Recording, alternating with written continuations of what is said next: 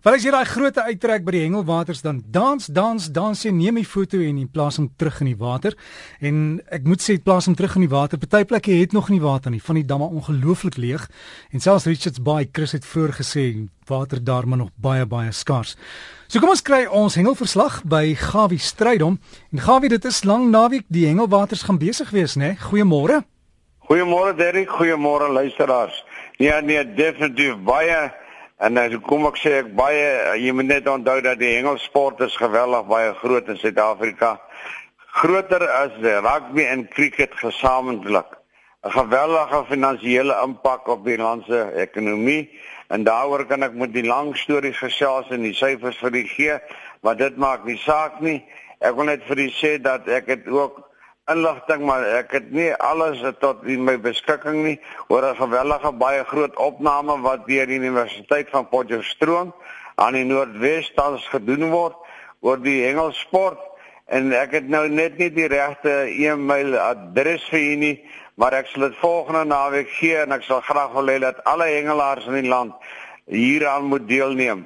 Dan sal ons al ons dinge opdateer Nou terug sommer so gepraat van die damme, Derrick en die reën.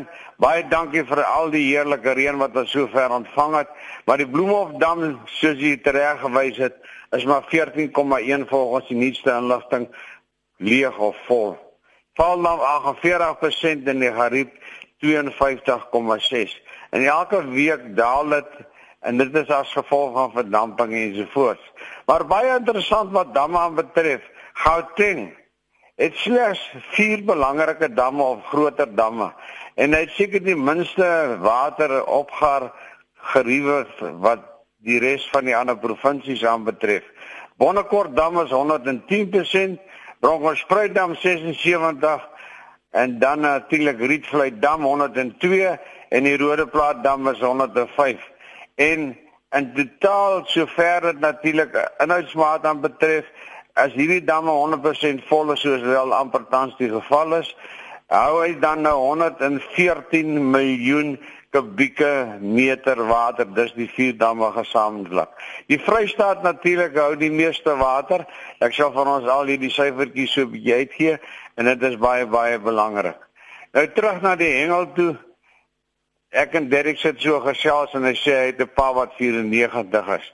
Hoe geseënd is jy? Nou wil ek vra vir al die ander manne en ons hengelaars, het jy ook nog 'n pa wat jy wat geseënd is wat saam met jou kan gaan hengel? Of sit jou pa ook aan 'n ouer huis? Wanneer laas het jy saam met hom 'n visie op die kolle gesit? Of 'n lekker stukkie vleis of 'n wors gebraai of 'n besoek gebring of jy moeite gedoen om hom te gaan haal en jy voertuig te laai en jy hoef nie 'n kranige hengelaar te wees nie. Dit is manne wat ook honger en nog het om langs die viswater te sit en 'n geselsie aan te knoop. Doen jy te gerus en jy sal jouself met miljoene miljoene wat geld nie kan koop nie innerlik vir verryk terug na die uh, hengelaar sulkstuk gesels vanoggend vroeg met ons ou vriend Johan daar van Seevarkie. Dis hulle nou al op die see en uh die manne van die Platinum dat ek weet nie wat omgewing hulle is nie. Hulle noem hulle die Platinum Boys. Het hierdie kom week se kompetisie ten einde geloop by Sodwana. Nou daar was jy wat visse vang, maar hoofsaaklik julle van tunas. En dan is daar een groot marlyn gevang.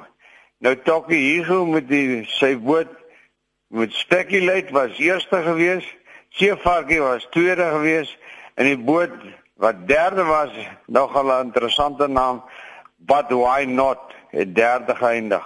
Gelukkig aan die manne en so voort, ek vertel nie nou nou van die top 10, want hulle is ook op pad terug van net daar om die draaiwalle gehengel. Onder die oostelike provinsies en die Melville van my het hulle toe nou verlede naweek kompetisie gehad, maar die wind het hulle ook maar 'n bietjie pak gegee. En vandag is natuurlik die kompetisie daarby van 'n reach. Nou ja, hulle sê die see gaan baie groot wees. 3.5 tot 4 meter duinings voorspel en vir die ouer manne gaan dit nie maklik wees om daar te hengel nie. Hulle sê hulle gaan miskien bietjie wegkruip daar by Blouwater Bay of dan meer bekend Blue Water Bay vir die hengelaars. En dan sê hy vir my die enigste vis wat die week uitgekom het wat hy van weet is die bote met geelbekke. Dit was nou maandag en dinsdag. Hulle is in die omgewing van 5 na 6 kg gewees. En nou, Johan van Wyk as jy luister, jy beter daaronder kom dat jy kan lekker eet vis vang. En dan hier en daar kom daar by die breekwal daar by Aston Bay kom daar 'n paar elfies uit en dan in die omgewing het die manne klein visse gevang. Nou ja, sit hulle tog maar net weer terug want klein is hulle klein en hulle gaan nie groter word nie. Dis die tipe spesies. In die Suid-Kaap is die see net so groot, baie koud.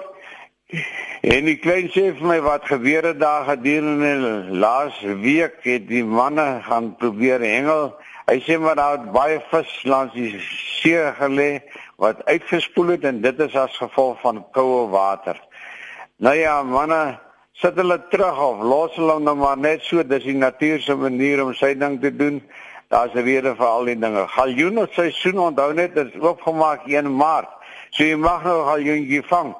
Maksimum van 2 en asseblief tog kyk tog nou laat hy die minimum lengte nie nie minder as dit is ja anders jy diep in die moeilikheid.